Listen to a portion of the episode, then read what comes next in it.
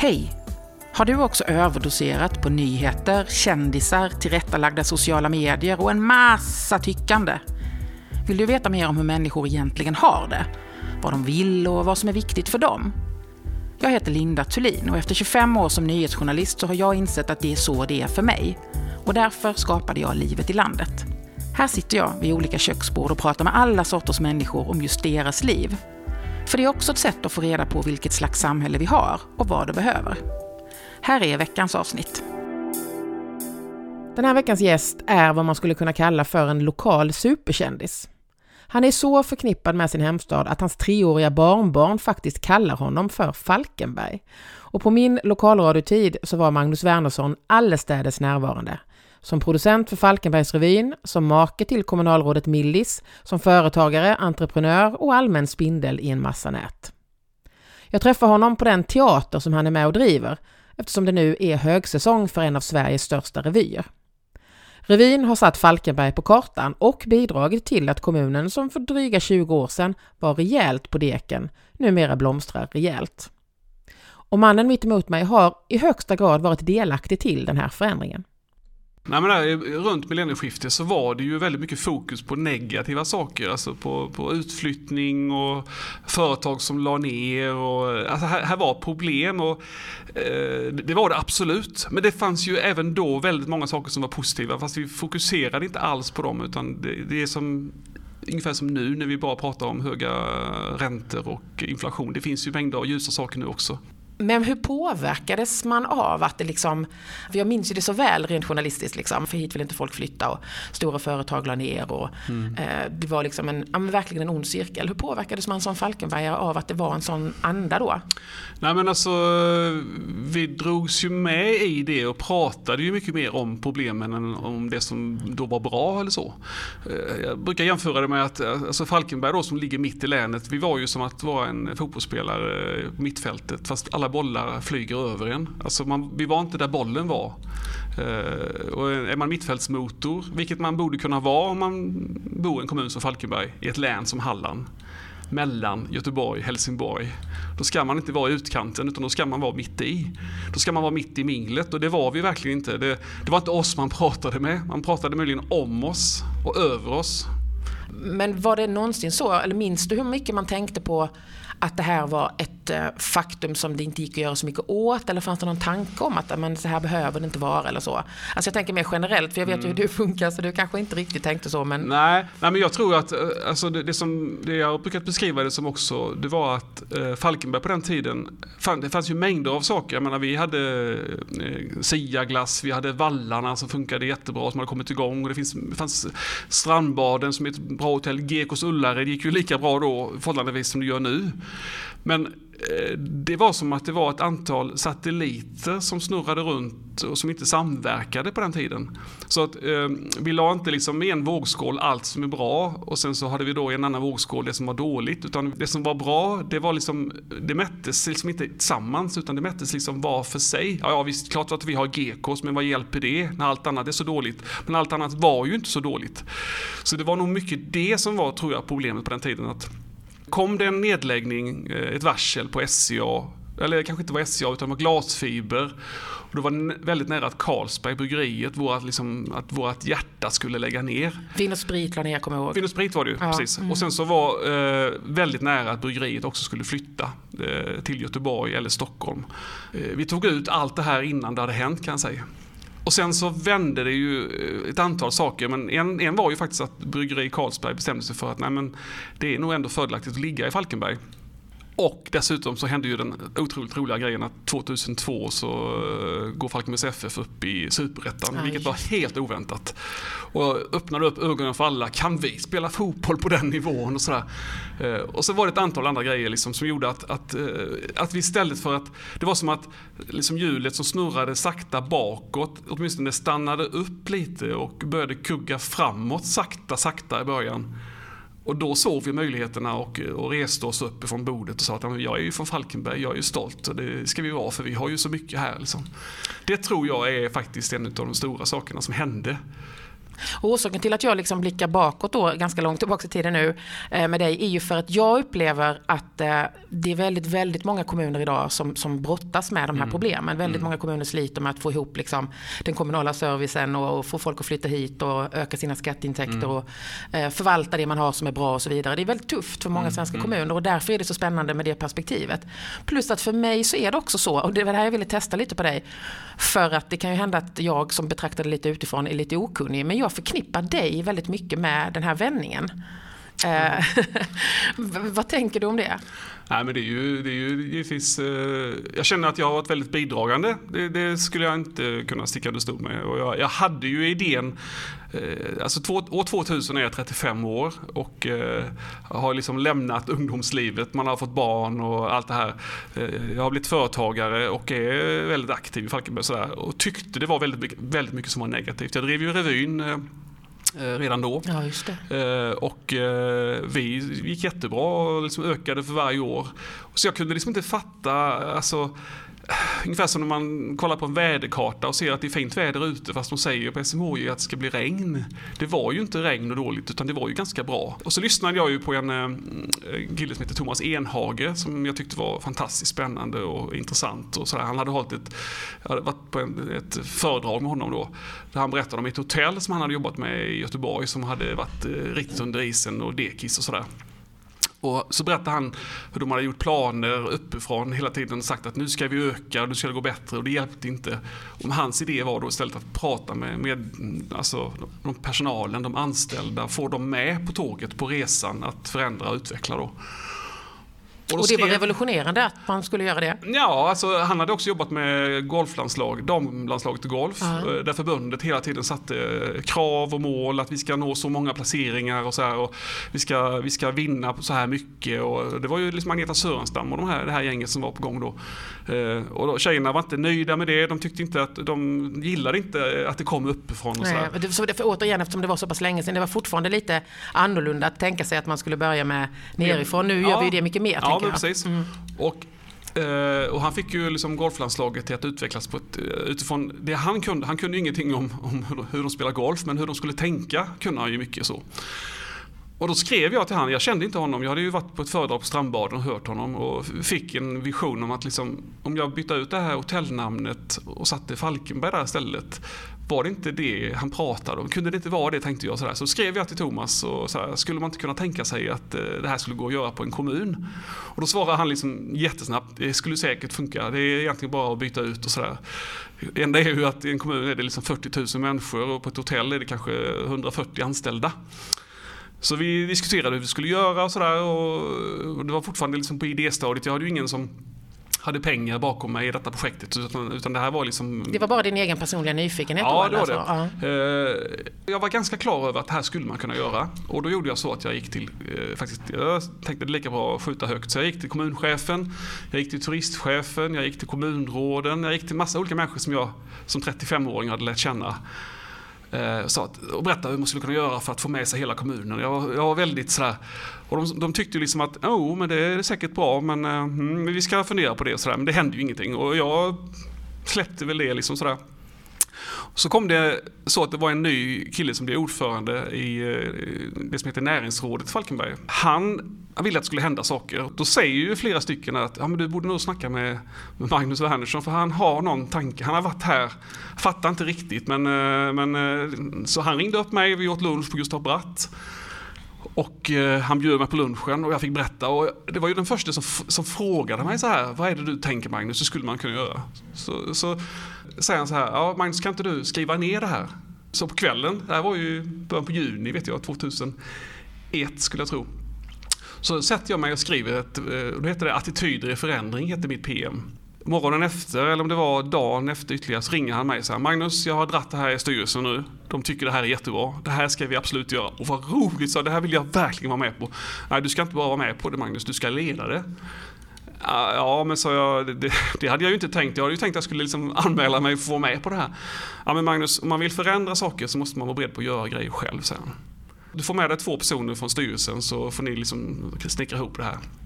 Och då tog jag kontakt med Thomas Enhager. Mm. Och, och så rullade det igång något som vi kallade för broa över. Thomas kom på det här med broa för att vi har tullbron och sådär.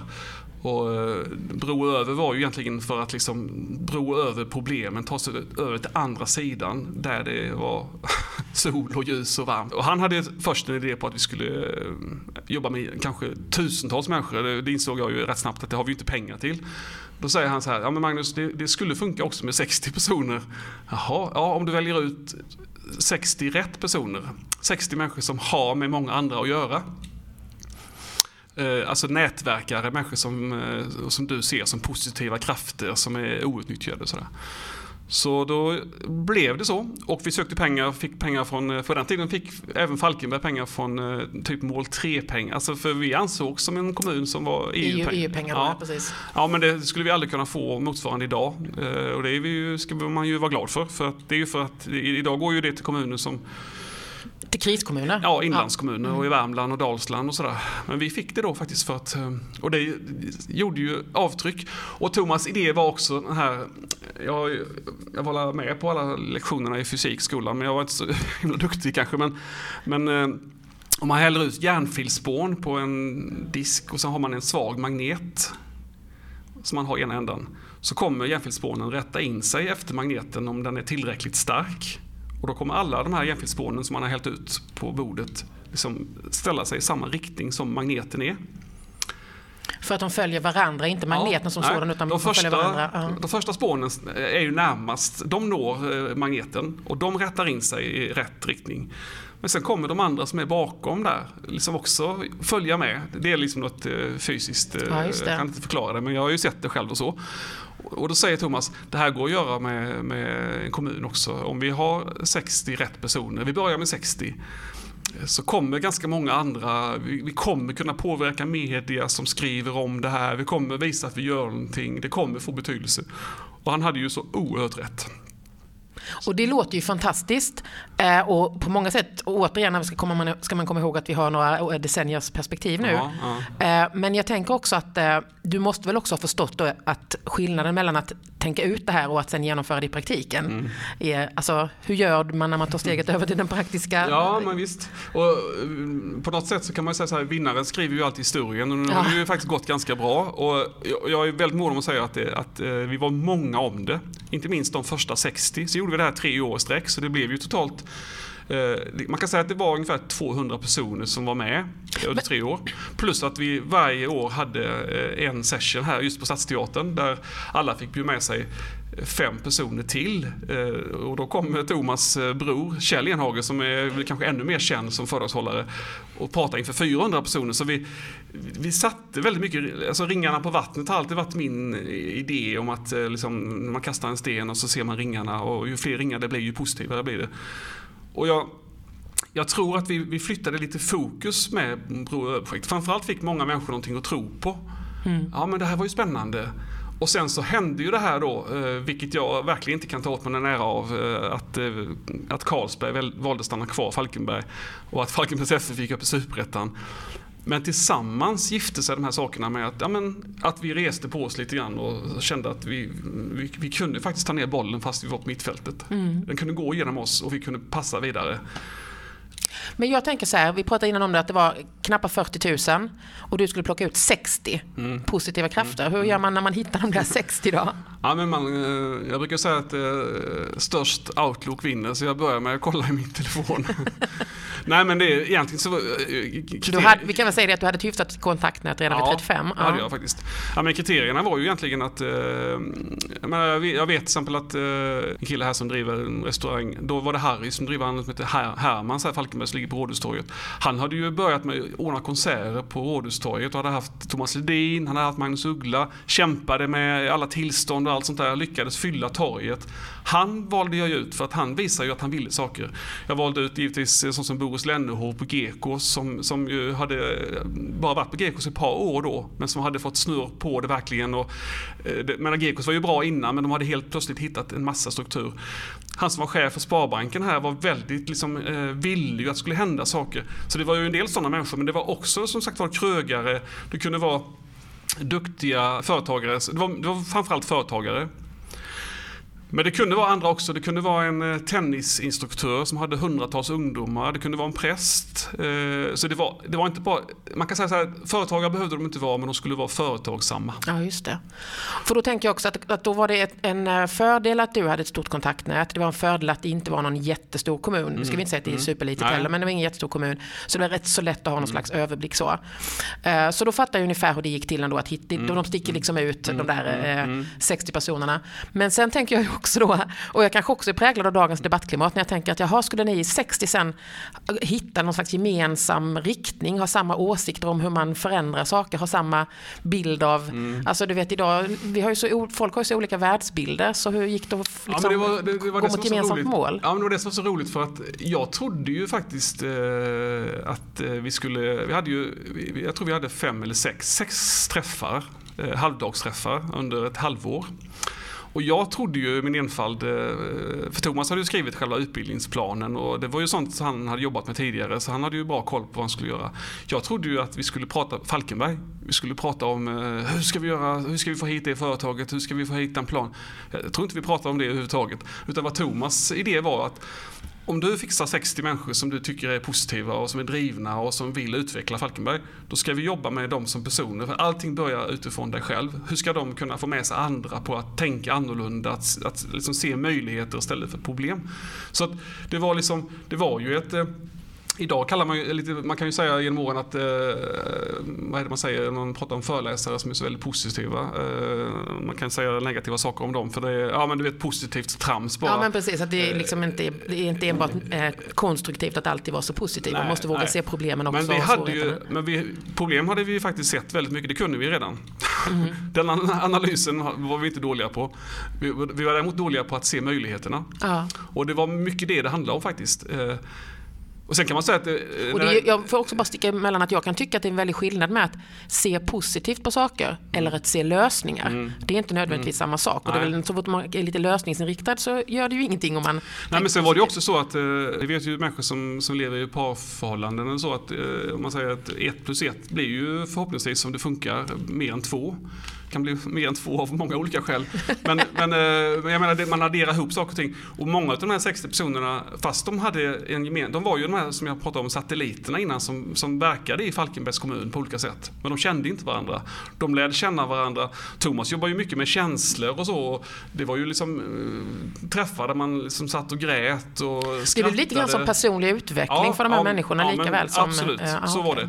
det. Och många av de här, jag menar det är klart att en Boris Lennerhov eller Chefen hade haft råd att åka vart som helst i Sverige för att gå på sådana utbildningar.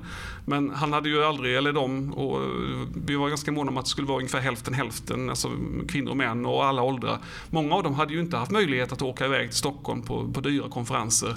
Och de här som hade haft möjlighet till det, de hade ju sällan åkt iväg på konferenser och träffat människor som tänkte lite annorlunda men som var otroligt jordnära och som eh, verkade i myllan i Falkenberg. Och nu helt plötsligt satt man i grupper och satt och resonerade. Och, och så möttes de på stan och så hade Thomas lärt oss massa olika saker så gjorde folk eh, liksom, ja men det, det var det var en härlig anda som jag, som jag tycker var fantastiskt rolig och eh, jag är väldigt tacksam över att jag fick vara med och jobba och leda det. Och jag tror att min stora roll var att jag, att jag valde ut hyfsat rätt personer och sen kunde Thomas sitt hantverk.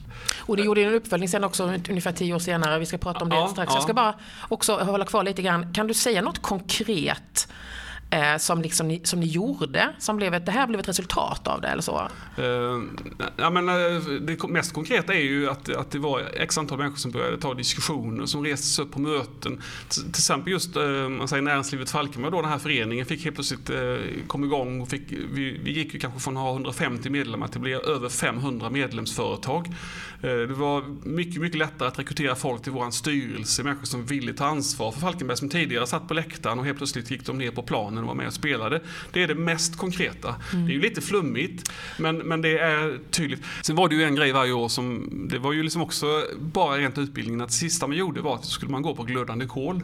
Så alla fick lära sig att hur man skulle göra för att klara att gå på den med sina bara fötter. Och sen när man hade lärt sig detta så var beslutet ditt om du ville göra det eller inte. Han sa, jag kan garantera dig att det här klarar du eh, om du vill och så. Men du ska själv ta beslutet att du ska göra det. Och det var, tycker jag, själva essensen av hela Broa över-projektet. Att eh, om du har idéer på hur du vill utveckla ditt företag eller hur du vill utveckla saker och ting så är det ju du som måste till sist bestämma, ska jag göra det eller ska jag inte göra det? Men du ska ha kunskapen, du ska ha eh, verktygen för att göra det och det hade vi av Thomas. Det var, jag ska också bara säga att vi letar ju efter människor som var drivna framförallt och positiva så. Och det hände ju att det var folk som anmälde folk sådär, man fick nominera människor sådär. Så det var ju inte bara jag som valde ut folk utan eh, jag valde ju ut sen bland de som var föreslagna. Och då var det bland någon som sa så här att ja, men ni måste ta med Lasse eller Eva för hon är så fruktansvärt negativ så hon behöver bli positiv. Men det var ju det Thomas sa. Nej, det ska vi inte därför att de ska ju komma likt järnfilspånen så småningom. De ska inte vara med bland de första utan de ska liksom bli smittade av andra? Ja, precis. Okay. Mm. Därför att han sa, sitta där med 60 människor som inte vill något eh, för att de ska bli positiva, det kommer jag aldrig klara. Eh, det var han ju ärlig och konstaterade. Mm. Och jag tror att det var verkligen en av framgångarna i själva konceptet. Så. Ja, det är väldigt spännande och min mm. hjärna går väldigt mycket på eh, om man skulle ha gjort exakt likadant idag. Eh, mentaliteten hos människor och sådär. Mm. Eh, men jag vet också att det här Bro över-projektet nu då har ju fått, eh, förutom att ni har gjort en uppföljning så finns det också, jobbar man med det i andra kommuner också? Mm, mm. Ja, vi har gjort det i har du varit med då i de ja, andra kommunerna ja, också? Ja, ah, både jag och Thomas mm. eh, gjorde det i Båstad. Mm. Eh, vi gjorde det i Nybro, Hylte eh, två år och även i en liten kommun som heter Högsby som ligger i småländska höglandet kan man säga. Eh, och Falkenberg har vi ju gjort det fem gånger. Tre gånger då på början på 2000-talet. Och sen så, eh, när du vet eh, efter ett tag så mm, man sätter spår och sen så börjar spåren gå igen. Stigen krymper. Och människor kommer och går och sådär. Ja men precis. Mm. Så vi fick jag chansen att göra det 2015 och 2016 igen i Falkenberg. Men då var det ju inte längre broa över utan då var det broa vidare. För att eh, det, det var ju helt annorlunda attityd i Falkenberg då, 15 och 16, än vad det var 15 år tidigare. Men, eh, så det var mer att ta det vidare. Men det var samma i grunden utbildning fast det var nya människor. Och jag menar Handelsbanken eller Sparbanken hade ju bytt VD och eh, Gekos också och, och, och, det var andra människor som har flyttat in. Och, väldigt många nya människor som var nyinflyttade i Falkenberg fick chansen att vara med. Alltså de hade kommit hit, eh, börjat jobba någonstans. De lärde känna nya människor och bidrog med saker. Och det, det, har jag ju lärt mig genom åren att tittar man på de här människorna som vi använder oss som var med så, så var oftast de bästa de som hade flyttat hit. Så de hade gjort ett aktivt val på något vis? Precis. Mm. Många av oss som är, är från en ort, vi behöver ju inte anstränga oss för att lära känna nya människor. Vi behöver inte ta en plats i någon styrelse för att, vi, vi, kan ju göra det för vi vill. Men vi behöver inte göra det för att lära känna människor, för det gör vi redan. Medan den som kommer från, från Vetlanda flyttar hit, kanske tycker pingis är kul, då engagerar han sig i bordtennisklubben och blir tränare, ungdomstränare och sen hamnar han i styrelsen. Och tittar man på styrelser i olika föreningar i mindre orter så är det ofta människor utifrån som är de... Jag menar, det kan vara som min fru, hon är också utifrån, hon kommer från Borgholm och hon ja, har ju varit ganska det. engagerad i Falkenberg. Eh, men jag tror att en drivkraft är att man eh, vill liksom lära känna människor. Eh, nu kom det så många saker samtidigt som gör att vi behöver leda in på, på nästa segment som handlar om att lära känna dig lite mer. Mm. Till exempel att din fru ju i många år var eh, kommunråd mm. i, eh, mm. i mm. Falkenberg. Men jag tänker också, eh, för när du berättar om det här så tänker jag att det måste ju finnas potential. Alltså du och Thomas Enhager skulle ju kunna åka runt och jobba med det här heltid mm. egentligen. Mm. Men det har ju inte du tid med för du gör lite andra saker i livet också. Ja, och Thomas också. ja, Thomas också naturligtvis. Ska vi försöka ringa in lite grann, vem är Magnus Wernersson och vad gör han idag? Jag är ju företagare sedan 1995 startade jag mitt företag. Innan dess var jag ju, jobbade som ombudsman och var tjänsteman. Jag jobbade inom politiken. Mm. Så jag har ju mina rötter från politiken kan man säga. Centerpartiet? Ja, mm. jag är engagerad i ungdomsförbundet men även uppe i, i partiet faktiskt. När jag var 29 år, 28-29 år där så fick jag, vi fick, jag fick barn när jag var 26 och var pappaledig och började väl fundera lite sådär. Men då gick jag tillbaka till mitt jobb igen och så. Men sen när jag var 29 så tänkte jag, ska jag jobba som ombudsman, ja, hur många år det nu skulle bli, 36 år till. För jag såg ju, jag var på sådana här träffar och jag såg hur många som var i den åldern jag är i nu. 58, eh, eller 57 är jag. Så tänkte jag, vill jag, nej. Och så hade jag alltid haft en dröm om att vara för, bli företagare. Så jag sa upp mig eh, och så fick jag jobb eh, på Nöjespatrullen på sommaren 96, som numera heter To Entertain. Och sen så eh, var jag där typ ett halvår, ett år, lite olika hopp och sådär. Och sen startade jag eget. Så, så att det, det rätta är väl, jag startade nog eget egentligen där någon gång under det året och hade det som ett fritidssysselsättning först. Och vad, och vad gör det företaget då?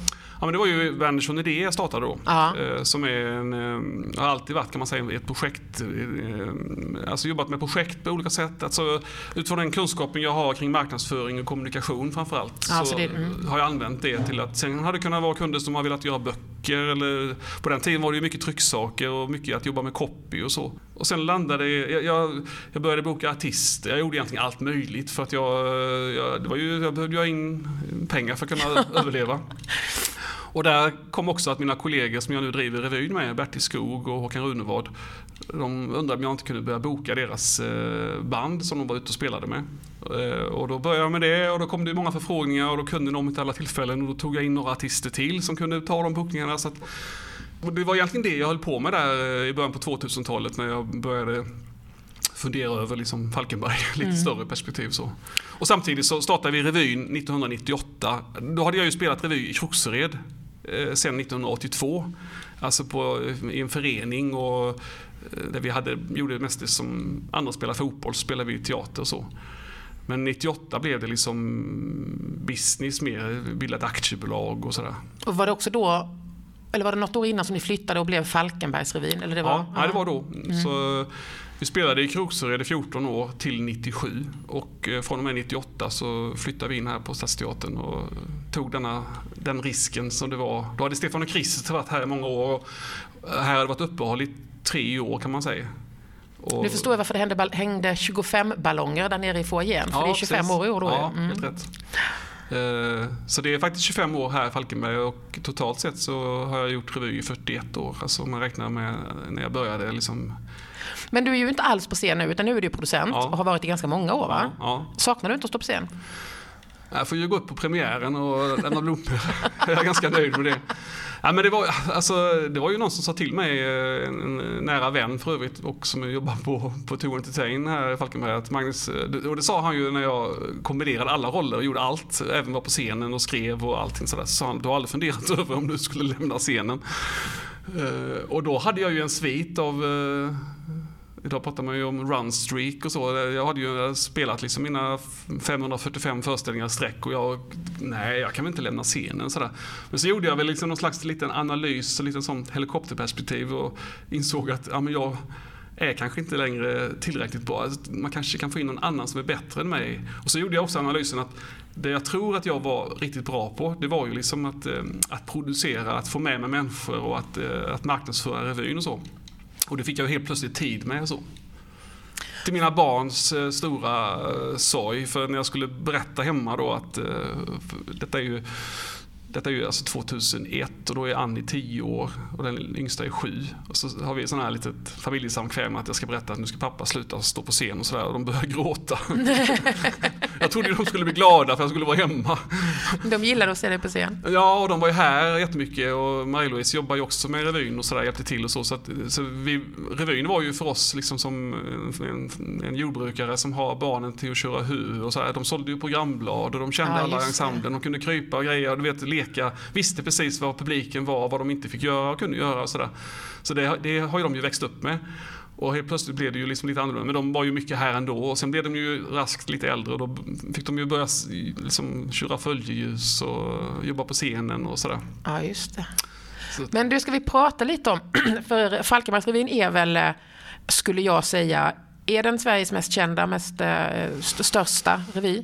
Ja, alltså vi är publikmässigt Sveriges största uh, nyårsrevy. Alltså som, som startar efter årsskiftet precis. Sen har vi ju valt att plocka bort nyårs nu och kalla oss för Sveriges, eh, hela Sveriges revy.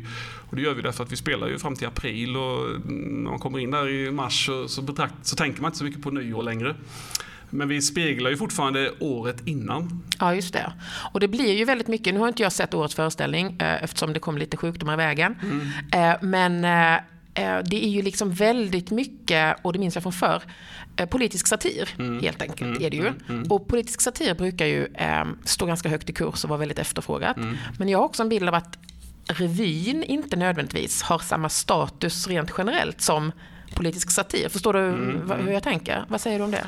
Nej, men alltså, vi jobbar ju med folklig underhållning och vill ju att eh, vi, vi framförallt, eh, alltså det, vi har ju politisk satir också. Men framförallt är det ju att vi driver med vår tid. Eh, det innebär ju att vi kan driva med allt från eh, politik till artister som är aktuella eller människor som har gjort konstiga saker eller så. Så att eh, om man hänger med i nyhetsflödet och är intresserad av vad som händer och sker, då, då, då tror jag man uppskattar, då känner man igen vår revy. Vi har väldigt få nummer som inte alls handlar om någonting.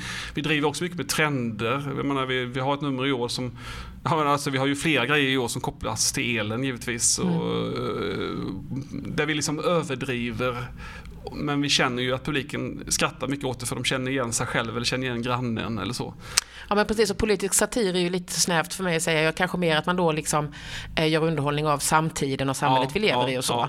Ja. Eh, till skillnad från liksom ren, ren underhållning eller, eller liksom farserna som görs på vallan och så vidare. Eh, det är där jag menar att det finns en skillnad. Mm. Eh, men att det fortfarande är väldigt folkligt. Men att det där folkliga ibland har så svårt för att få mm. liksom, samma typ av respekt för vad, de, vad man gör. Så är det ju. Upplever du också det eller är det något man bara ser när jo. man tittar på det utifrån? Nej, men det, det upplever jag ju när jag liksom, eh, försöker bearbeta kanske riksmedia och sådär. För jag menar, just nu är faktiskt Falkenbergsrevyn, alltså denna perioden, idag är vi ju mitten på januari här. Alltså det, det finns inte, eh, vi är bland Sveriges fem största teatrar som spelar i Sverige, som, publikmässigt, den här perioden. Men det är, det är liksom någonting som helt förbigås av liksom, eh, Kulturnytt eller eh, på Sveriges Radio eller på Sveriges Television. Och jag kan ju skriva till dem hur mycket som helst och, liksom, och tipsa och sådär. Men alltså det, är, det är som att du vet, det är lite teflon. Alltså, ja men herregud, de kan inte riktigt sätta det i sitt sammanhang och sådär.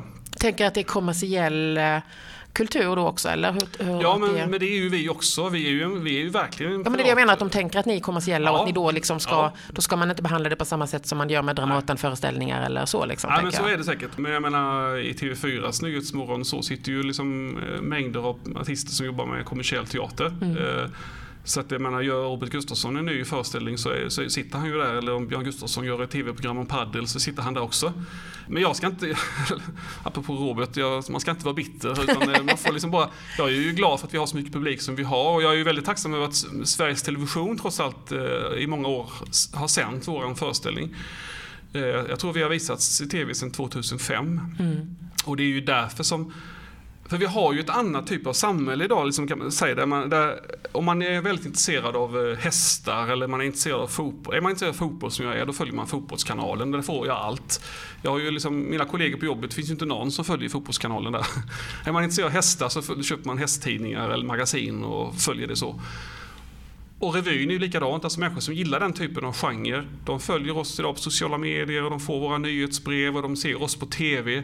Och människor som är inte alls intresserade, de är ju, kan lyckligt eh, undvika detta. Mm. Eh, Man kan välja mycket, mycket mer idag. Ja, men så är det ju.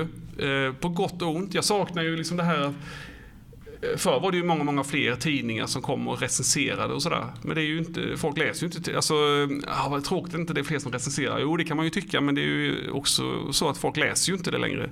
Istället är det ju så att idag är det ju folk som eh, ser revyn som lägger ut och berättar ja. vad har varit på. Och, och, är, ju, är ju egentligen mycket viktigare recensenter faktiskt. På många sätt, exakt ja. ja. Mm. Nej, och jag, jag märker på dig också att det, eh, du inte är som sagt särskilt bitter över det. Men för mig är det intressant och det här är ju någonting som genomsyrar mycket när jag gör podden. Att, mm. Som kommer hem igen efter tio år i Stockholm. Att mm. det här mm. stad-land-perspektivet mm. och hur olika perspektiv vi har är, är, väldigt intressant. För det här är ytterligare en mm. sån sak som mm. jag fick, fick mig att haja till. Liksom, att, det, att det är så stort men ändå förbigås med ganska mycket tystnad. Då. Spännande, det ska bli spännande att se revyn när det väl blir läge för det. Du, innan vi ska gå in på de här fasta frågorna som jag ju också har till alla. Så vill jag också gärna prata om det här som vi var inne på. Att ja, du har ju en bakgrund i politiken. Mm. Du har en bror som är ledarskribent och har varit i massa år och också mm. har varit i mm. politiken. Och din fru Marie-Louise har ju då varit eh, ledande politiker i Falkenberg och sitter med i Centerpartiets eh, ledning. Gör fortfarande va? Nej, det gör hon inte nu längre. Hon är engagerad i Centerkvinnorna centralt idag. Just det, men har varit i många år och varit kommun kommunalråd i Falkenberg. Hur länge var hon? Hon var ju i 14 år. Ja, just det. Hur liksom, hur mycket power couple var ni i Falkenberg då? Nej men det är klart att eh, Och du menar hur mycket vi jobbat tillsammans? Eller till? Ja, och hur mycket hade ni glädje av varandra i Ja. era respektive jobb? Och, liksom, och hur mycket var det, ett, var det ett problem? Var det en fördel? Du vet, alltså, var folk misstänksamma? Var det, ja. ja, men i början så var det ju kanske lite problem för att jag var ju väldigt, eh, drev ju min kommunikationsbyrå och Marie-Louise jobbar ju den och sådär. Och jag hade ju kunder, rätt mycket offentliga kunder som kommunen och sådär. Och de tappade jag ju rätt snabbt därför att eh, det gick ju inte eftersom hon satt i kommunen eller så. Även om inte hon påverkade det så var det ju svårt att förena så. Och, så, och visst blir man kanske lite misstänkliggjord ibland och sådär. Men eh, vi har, jag tror ändå att vi har varit ganska duktiga på att liksom hålla isär. Sen jag menar, det är klart som fan att folk, ursäkta att jag så, men folk fattar ju att vi pratar med varandra och så. Men jag menar, det är ju inte så att hon har liksom briefat mig för att vad ska jag göra, hur tycker du där? Utan däremot kanske hon har lyssnat på att jag har haft åsikter när jag läst någonting i tidningen och så, där, så har hon kunnat liksom fånga att okej, så tänker Magnus, då, då tänker kanske andra så också. Och jag var ju också väldigt engagerad då i, i näringslivet, satt med i styrelsen här i Näringslivet Falkenberg i många år. Och eh, hörde ju saker där som jag ibland berättade och tipsade vidare att eh, lyssna på detta, du borde träffa den, den personen och sådär. För det är det här jag tänker är lite spännande, att det finns liksom en, en eh, dubbelhet i det. Att det å ena sidan finns ju ett enormt värde i två så starka personer som från olika delar av kommunen då har eh, kunskaper, insikt, kontakter och så vidare och känner varandra så väl. Som ju säkerligen kan, kan gagna en kommun på väldigt många sätt. Samtidigt som det då finns den där baksidan som gör att eh, man får passa sig så att det inte blir jävsituation och man får, mm. får vad folk snackar och tror och sådär. Att det måste vara, ha varit en, eh, ja, men en lite delikat situation att hantera. Ja men en balansgång och, och både jag och Marie-Louise, eller Millis som, som, Som alla säger. som alla säger och jag också. Vi har ju alltid varit väldigt angelägna om att, att eh, vara delaktiga på olika sätt i att, att, att alltså, nu säger jag ju hur jag upplever att vi tänker, sen så kan ju andra tycka annorlunda, men alltså att, att bjuda in människor, att, vi gjorde ju många år till exempel i det området vi bodde i Tröggenberg en, en stor cykelfest som det var liksom hundratals personer, det var vi som höll i den ihop med ett annat par och sådär. Och vi var alltid angelägna om att var det nyinflyttade människor så ville vi att de skulle få komma med och delta. Så vår, vår inställning har ju varit att inte stänga ute folk utan liksom att istället öppna upp och prata med människor. Nu är det ju mig du sitter med och, och jag får svara för mig då men alltså folk som hör av sig till mig och vill träffas eller ta en lunch eller ta en fika eller komma och berätta om någonting. Jag, jag tänker alltid sådär att har jag verkligen råd att avstå den fikan? Jag kanske inte hinner egentligen men det är kanske en människa som kommer med någonting som jag inte har tänkt på innan eller har hört. Uh, och har man bett om att få som jag sa innan, det här med störst outlook vinner. Alltså, eh, om, liksom, om jag träffar någon som jag tycker är intressant sådär, och man pratar och fikar eller vad man nu gör så, så, så sparar jag alltid liksom mejladress och eh, mobilnummer. För att kunna nå den igen när någonting dyker upp. Jag skriver någon liten grej om den personen som jag, så, att jag kan, så den är sökbar. Och när någon ringer och frågar mig, Magnus du som känner Gud och alla människor, vet du vem som man skulle kunna prata med? Då kan jag ofta, och då, då lämnar jag det för att jag tänker att människor som känner varandra mår väl och det, det, någonstans gynnar det mig också. Eh, ja, jag blev väldigt imponerad och inspirerad av det sättet att tänka och kan känna att jag ibland i livet har försökt göra lite liknande. Men det jag undrar hur du klarar är ju hur du orkar. För det finns också en gräns för hur många olika människor man kan ta in och, Mm. och hålla koll på och som kan ringa och kan vilja ha någonting av en eller som Mm. man ska hålla. Alltså, blir det, inte, blir det aldrig för mycket? Ja. alltså idag är det ju faktiskt så att eh, idag ringer ju inte folk längre så därför är inte det så mycket stort bekymmer utan det är, däremot har man ju mycket kontakt med eh, sms och messenger och sådär. Så att jag, jag kanske inte tycker heller man får, alltså det är ju kul att prata med människor och gillar verkligen att träffa människor live så här. Men eh, sen kanske man, liksom, långa samtal är man ju rätt trött på för det, de kan ju vara, ta, ta lång tid och sådär. Och då får man ju vara, men det har jag också lärt mig hur jag ska hantera dem och sådär. Uh, nej men jag, jag, jag, tycker att det är roligt, det är, min, det är nog min livsstil eller så. Mm. Så jag tycker att det är kul att prata med människor. Och, eh, men jag vill, vara, jag vill ändå vara ganska konstruktiv. Jag, jag vill inte gå från en, en, ett möte, en fika, en lunch eller ett samtal på stan utan att man har kommit fram till någonting. Eh, hur menar du nu då? Vad tänker du? Jag vill ana liksom, och jag gillar ju när man liksom jag brukar ta ett exempel här, där jag bodde tidigare, så var det en granne som sa till mig en gång Magnus du som är så himla driven och har lätt för att ordna saker och fester och sånt. Du vet midsommarängen, skulle vi inte kunna, om vi satte upp bord och stolar där och tog hem tält och grejer, skulle man kunna göra en stor jättekräftskiva i augusti? Ja, jag, jag höll med jätte sådär. Ja, säger han, kan inte du göra det? Och det är någonting jag inte orkar. Alltså, eh, om han hade kommit med, kan inte vi träffas? Sådär, då hade jag varit på hugget så. Men eh, annars väljer jag vad jag vill göra. Mm. Du klarar av att sätta de gränserna? Ja, det vill jag påstå. Eh, Det låter onekligen som att du har hamnat på... Du, du gör det du ska göra och det du är lämpad Ja, för. tror- jag trivs ju med mitt liv. Så, så att, Mm. Du, vi ska ta de fasta frågorna också. mm. Eh, där jag vet att du har haft en del funderingar kring några av dem. Eh, den första frågan som jag ställer till alla gästerna är ju vilken livsförändring är du mest stolt över? Ja, men jag tror faktiskt att det är eh, att jag för blir det, eh, det är snart fyra år sedan, men sen för att jag skulle gå ner rätt så rejält i vikt. Mm. Eh, Jag hade sprungit iväg länge låg jag väl liksom så att jag klarade, du vet jag brukar skoja om Eh, jag skulle ligga runt 100 och sådär och när jag var under 100 slog jag alltid ut Facebook att nu är jag inte riktigt 100. Men sen helt plötsligt så stack det iväg så jag var uppe i 116-117 kilo och eh, så var vi på en semester och eh, satt och åt jättegott och sådär och jag bara kände att jag, jag njöt ju inte av det för jag tyckte att det här var inte bra eller så. Så då bestämde vi oss bägge två hemma, både jag och Millis, att vi skulle eh, anmäla oss till Viktväktarna. Och eh, så hela den vintern sen då, 2019, eh, var vi jätteambitiösa och vi fortsatte även 20. Sen lärde vi oss mer och mer om detta kan man säga. Så att jag gick ju ner i alla fall till runt 100 igen då. Eh, sen kan det väl liksom ligga pendla mellan 100 och 105 och sådär. Men jag har ändå plockat bort, framförallt har jag, eh, alltså jag hade ju länge ökat under lång tid. Mm.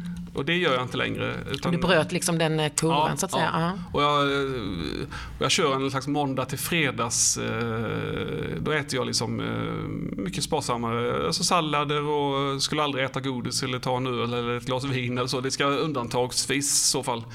Men så på helgen så har jag råd att ta det här glaset vin eller en öl eller äta godis och så. Eh, Så att jag, jag liksom eh, det är någon slags egen 5-2-variant kan man ja, säga. just det. Du hittar en väg som funkar för dig. Och den är jag stolt över faktiskt. Jag, får, jag tänker det, den stoltheten, består den i att du liksom fattade beslutet eller att du tog dig igenom det medan det var svårt? Eller liksom, vad var det tuffa med det som gör att du är stolt?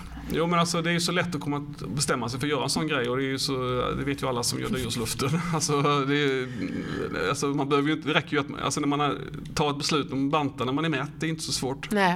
Vad var det svåraste med det då? Jo men det var ju alltså, när man kom, ja, alltså första veckan gick jättebra för jag gick ju ner eh, tror jag, eftersom jag hade varit på kryssning och också när jag tog beslutet.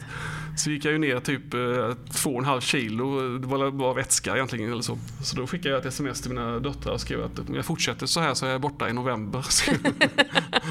men det blev, det blev inte så. Nej. Nej men det, det svåra var väl liksom att ta det från liksom eh, målet till att, att, det- att det är det här Magnus, det här är varje dag. Jag tänker människor som som slutar dricka eller slutar röka. Alltså jag fattar liksom. eh, eh, Den, ta dag, den där dagen när motivationen inte är så stark Nej, som den var när du satt på... Ja. Ja.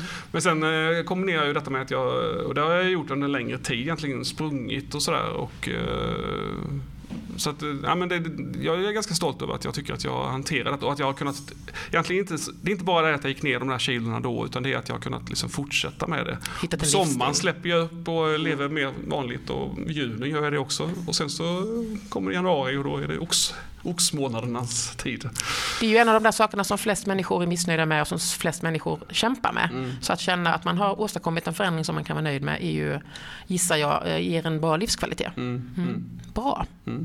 Då ska vi se vilken nästa fråga är ju då eh, vem av människorna i ditt liv har ett liv som ser mest annorlunda ut från ditt? Har ett liv som skiljer sig mest från Mm. ditt tror jag. Ja. Den här har du grunnat på. Ja, det det var också för att det var lite svårt med definition, vad, vad jag Ja. egentligen var ute efter. Ja, men lite så. Sen när jag satt i bilen och tänkte tanken på det här så, tänkte, så tyckte jag att jag hade kommit på ett antal personer som det kunde passa. Men då, det var ju liksom vad jag, människor jag har i mitt liv. Då blir det Ja. svårare igen. Ja, men jag, har nog, jag ser framför mig en person som eh, som jag känner mycket väl och som en kvinna som, som eh, har en helt annan, hon lever själv och hon eh, har varit, säg, haft familj och, eller har familj och så men har haft många bekymmer på olika sätt. Hon kämpar, en fantastisk människa och hon kämpar, hon är så nöjd med livet på olika sätt och eh, god och glad mm, men har haft en del bekymmer med sin ekonomi och annat kan inte göra de resorna eller det som jag kan göra eller gå ut och äta på det sättet. Så, men vi, vi, vi träffas i olika sammanhang eh, och eh, jag försöker tänka på, på, på, på henne när jag kan erbjuda någonting. Eh, det kan vara jobb, extra jobb eller sådär som, som behövs. Och, eller om det är någonting annat. Arrangemang man har biljetter till så kolla om, om, om hon vill hänga på eller sådär. För att hon ger mig eh, ett perspektiv som jag eh, tycker är viktigt. Liksom. Där man inser ibland att man har det väldigt förspänt och lätt och så. Och eh, så finns det människor som är så oerhört tacksamma och nöjda med sitt liv ändå. Och, och, och hon är en sån person. Mm aldrig ett klagomål eller ett gnäll eller någonting sådär. Och jag tycker hon har jättemycket saker som hon skulle kunna klaga på. Ja. Jag tänker på det du säger, för att då har ju ni liksom genom åren nu, eh, ni är i den där eh, gyllene medelåldern nu då när man har lyckats bygga upp, mm. om man har lyckats i livet, en hyfsad ekonomisk standard där man inte behöver vända så mycket på mm. saker utan mm. har en hyfsad frihet. Hur mycket liksom tänker du på på det och är medveten om vad det, hur det påverkar ens liv att ha den friheten eller vad man ska säga? Jo, men det är klart man tänker på det för eh, att eh, man vet att alla inte har det på det sättet eller så. Och jag, och jag, jag menar, jag är ju jag, sku, jag, är ju, jag tror att jag verkligen skulle kunna kategoriseras in i begreppet medelklassen eller så. Eh, för att, eh, men vi har råd att göra liksom de sakerna vi vill och vi, visst vi har kunnat skaffa en husbil som vi semestrar i för vi tycker att det är ett underbart sätt att leva och sådär. Eh, vi, har ingen, vi bor inte i villa längre utan vi bor i lägenhet som vi har skaffat. Eh, för vi kände att, och det var ju också en livsförändring att gå från villan till, men det, vi har, det var också en livsförändring som jag är rätt stolt över. Nej men det är klart att man, att man måste tänka på det och att eh, eh när man ska göra saker ihop med vänner och sådär så, så funderar man ju lite grann av mm, hur, hur har alla det här och, och jag vill inte liksom någon ska känna sig generad av att nej, det har inte jag. Alltså det, det är jättejobbigt om någon säger så här att ja, men, då kan inte jag följa med eller då kan inte vi följa med. Men sen är det ju klart någonstans så också att le, le, vad säger man? lika barn leka bäst. Och det är klart att det blir ju gärna att man umgås med människor som har ungefär som man har det själv. Men jag är också engagerad i, i Falkenbergs FF mycket och det tycker jag är fantastiskt därför att där är det ju eh, när man går på matcherna, när man jobbar med ledare, funktionärer, spelare, vad det nu kan vara.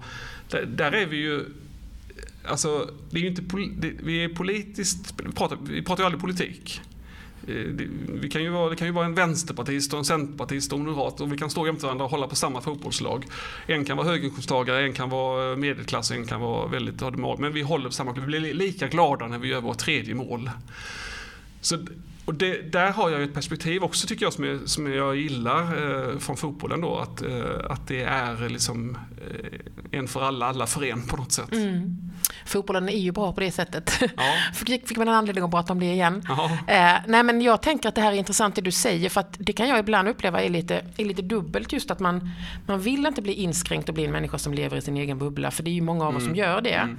Och det är viktigt att ha perspektiv på andra människors förutsättningar och vi har mycket att lära mm. varandra. Men sen är ju också livet och vardagslivet och privatlivet ganska mycket som du säger mm. att lika barn lika, mm. leka bäst. Mm. Och att liksom hitta ett sätt där man får lov att vara i det men samtidigt också ger sig själv möjligheter att se andras eh, förutsättningar och då kan ju ett engagemang i en förening till exempel vara en sån bra grej. Mm. Jo men absolut. Nej, men jag tänker väl ibland på det här liksom att det finns ju områden i Falkenberg som jag aldrig har varit i. Ja. Eh, eller jag kanske har varit, jag kanske har sprungit där igenom till exempel om jag är ute och tränar och sådär. För jag kan ofta tycka det är kul att springa i områden som jag inte känner till och se hur husen ser ut och sådär. Men jag tänker att eh, om man tänker liksom lite socialt, socioekonomiskt sådär utan att jag är så kunnig på de områdena så kan jag liksom tänka vi blir ju inte hembjudna till en del områden eh, och vi bjuder väl antagligen inte hem människor därifrån heller för vi känner inte varandra. Så jag tror ju verkligen att eh, den här typen av projekt jag pratade om i början med Bro över och sådär. Eh, en av de viktiga grejerna det, det var ju också att eh, det kunde vara drivna framgångsrika människor men de behövde ju inte vara födda i Sverige. Nej. De kunde komma, det var människor som var med där som jag lärde känna Eh, rätt, några stycken som jag tänker på speciellt som kom från Libanon. För det var många Falkenberg som kom från Libanon och flydde hit för länge sedan. Och, sådär. och de blev ju väldigt liksom, uppskattade i projektet. Folk tyckte det var spännande. Och, eh, så att så där är fotbollen bra för att där träffar man andra människor. Mm. Eh, I alla fall, även om inte man går hem till varandra eh, så blir man åtminstone, går man på matchen ihop och morsar på varandra. Ja, och känner någon slags samhörighet med varandra ja, och sådär också. Ja. Och, här, här, skulle vi ha mer att göra. Alltså det, det, det, tror jag ju, det är en av problemen med varför, hur det ser ut i samhället idag faktiskt. Att vi möts alldeles för lite ja. i vår, ja, ja mm. verkligen, verkligen. Ehm, du, eh, vi kan ju fastna i varje fråga hur länge som mm. helst men det är inte meningen. Vad är lyx för dig? Varje morgon där jag bor nu nere på Skrea strand så eh, tar jag hissen ner och så eh, möter jag en granne eh, som bor några våningar under mig och så går vi ut och så badar vi i havet, Kattegatt.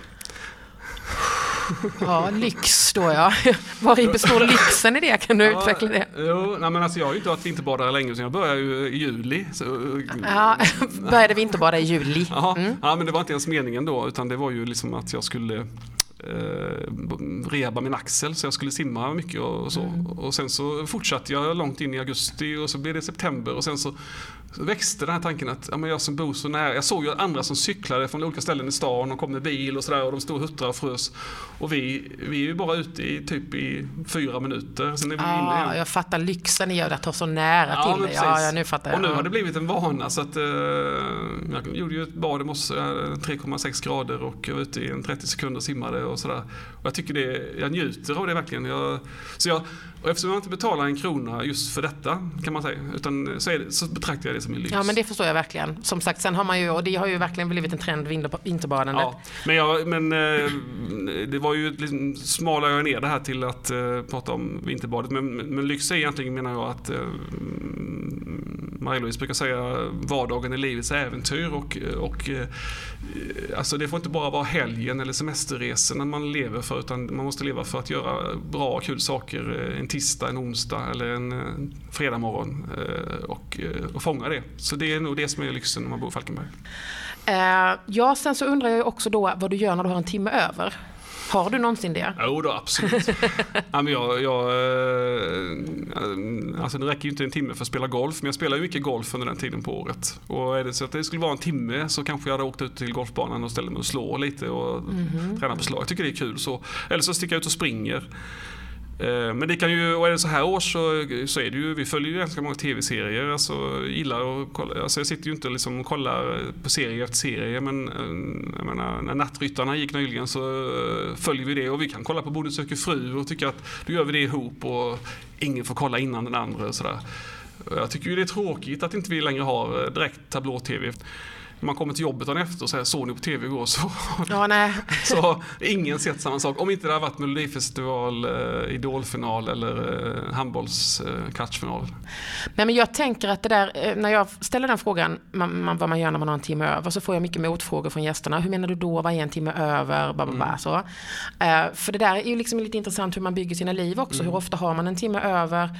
Eh, planerar man in att ha luft i sitt system? Eller är det så att oj, nu plötsligt blev det en timme här som inte jag hade bestämt någonting. Alltså hur, hur förhåller du dig till de här lediga tiderna? Eh, Jo, men jag tänker ju ganska mycket på att exempel inför som denna helgen som kommer nu. Nu ska vi ha lite vänner och kompisar på lördag kväll och sådär. Men på dagen imorgon så har jag ganska så fritt eller så. Och då, då kanske jag bestämmer för att jag ska åka in och handla. Då vet jag att det kan jag göra på eftermiddagen imorgon. Eller jag kanske ska... mm, Så det är inte så att jag har ingenting, då sätter jag mig bara och jobbar. Det, och du Men- intecknar liksom inte alla veckans timmar och nej, sådär? nej, nej, absolut inte. Eh, Men jag vet ju också att jag har alltid som grejer att göra med, med företaget och så. Så att, så att jag eh, känner att jag vill sitta två timmar så gör jag det liksom. Men jag, just nu har jag inte sprungit på ett tag för ja, men det har varit vinter och sådär och eh, mycket med revyn och så. Men när jag väl kommer igång med löpningen igen så brukar jag boka upp löppass med andra. Eh, Ah. För jag, är, jag må ju vara rätt så bestämd och veta vad jag vill men jag, jag missar ju aldrig ett möte. Så därför har jag bestämt med någon att vi ska ses på Vallarna halv sex och springa på måndag. Så är jag där halv sex på måndag. Eh, och ska jag spela golf. Och jag tänker så här, ja, men på, till helgen har vi ingenting om det nu är, säg i maj. Ja men då kan jag, så kollar jag med frugan, vad ska du göra? Och, ja men hon ska göra det eller så. Ja men då bokar jag in. Och då lägger jag ett sms till kanske sju, åtta stycken. Fast det vet de inte om för att eh, eh, jag ska spela golf på lördag och ha en tid eh, klockan 10. Jag utgår från min egen kalender. Och då är det nästan alltid så att eh, man, man får en full boll eller man får tre stycken som hakar på. Eh, Det, det har jag lärt mig genom åren att eh, om du, om du är lite driven och tar för dig eh, och tillåter att, att, att, att du bestämmer. Folk tycker det är de har inget problem med det. Jag, jag trivs ju med att, eh, att, att eh, liksom bestämma saker och sådär. Men jag tror väl kanske ibland att folk tror att vi är, eh, vi är upptagna och så men vi har mängder av luft i våra kalendrar. Mm, vad skönt. Jag tänker på det att du ju är producent för Falkenbergsrevyn. Och det känns lite grann som att du är producent att eh, om, man, om man har bra koll på vad det uppdraget innebär, mm. jag som själv har jobbat som det i mm. radiovärlden mm. kan känna att ibland är jag också det, producent i tillvaron. Liksom. Mm. Jag producerar helgen mm. och informerar de som behöver veta att nu ska vi göra det och nu ska detta hända och där, här finns det här alternativet mm. och sådär. Eh, på gott och ont tänker jag. Men det låter som att det är lite grann så du gör också, att du liksom eh, ja, men, producerar tillvaron. Ja, jo, och jag vet verkligen mina begränsningar för att vi, vi har mycket gäster och så jag tycker det är kul och, och vi är också hembjudna till mycket kompisar. och Så. Och det är ju, jag lagar ju väldigt, väldigt eh, lite mat kan jag säga för det är verkligen inte min grej. Eh, däremot är jag väldigt mycket med att påverka menyn. ja, okay. ja, just det. Du producerar där ja, också lite ja, ja. ja, Frugan eh, vill ju hela tiden göra nya saker och jag är den som, för jag, jag noterar ju, alltså, jag har ju en anteckning i kalendern där jag skriver upp vilka vi har haft hemma, när de var där och vad vi bjöd på. För det kommer ju Marie-Louise inte ihåg. Men däremot eh, vill hon ju absolut inte bjuda på samma sak igen. Så när vi ska ha några gäster så säger hon sådär, ja men eh, då ska jag ta fram en meny sådär. Eh, så, säger hon, så föreslår jag någonting så säger hon, ja men det har vi nog bjudit dem på. Nej, nej. Då kan du gå tillbaka. ja, just det. Ja, och hon älskar att laga mat tillhör saken att säga, så det är inte så. Jag lagar ju liksom vardagsmat och sådär men inte i samma utsträckning. Nej. Absolut inte. Hon är jätteduktig på det och men du, på tal om att du inte då eh, är så mycket för att laga mat, så är ju den sista av de här fasta frågorna, vad skulle du vilja lära dig mer om? Ja, men jag tror att det är ändå saker och ting som är kopplat till den här tiden vi lever i nu med digitalisering och eh, IT och sådär. Alltså, eh, det, är så många, det är så många grejer där som, som du kan ha nytta av helt enkelt genom att bli bättre på det och att inte vara emot det eller så. Jag tycker bara att det är, det är lite svårt att lära. Det är så, det är så vansinnigt komplext. Mm. Det... Och, så, och, så, hjälper det ju inte.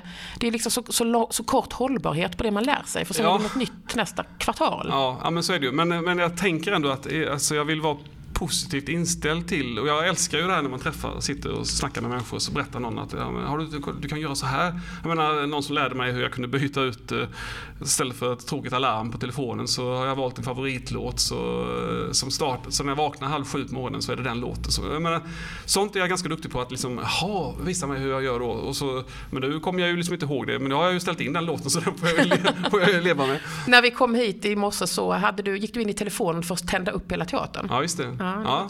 ja men det är eh, jag, jag, är inte i framkant men jag är eh, positivt inställd till människor som vill lära mig saker och sådär. Mm. Jag har en dotter, Stina, då, som är jätteduktig på digitala grejer och, och eh, driver på oss. Hon tycker ju säkert inte att jag ligger, hon, hon skulle verkligen inte säga att jag ligger i framkant men, men det, det, är, det är så kul att, att, att, prata med henne om eh, olika saker. Hon liksom, ja men så här kan man göra och sådär. Så får hon försöka tänka in bland att okej, okay, de är ju ganska långt bak i utvecklingen. Och hon har lärt sig det och så. Så det, hon, hon tipsar oss om bra saker.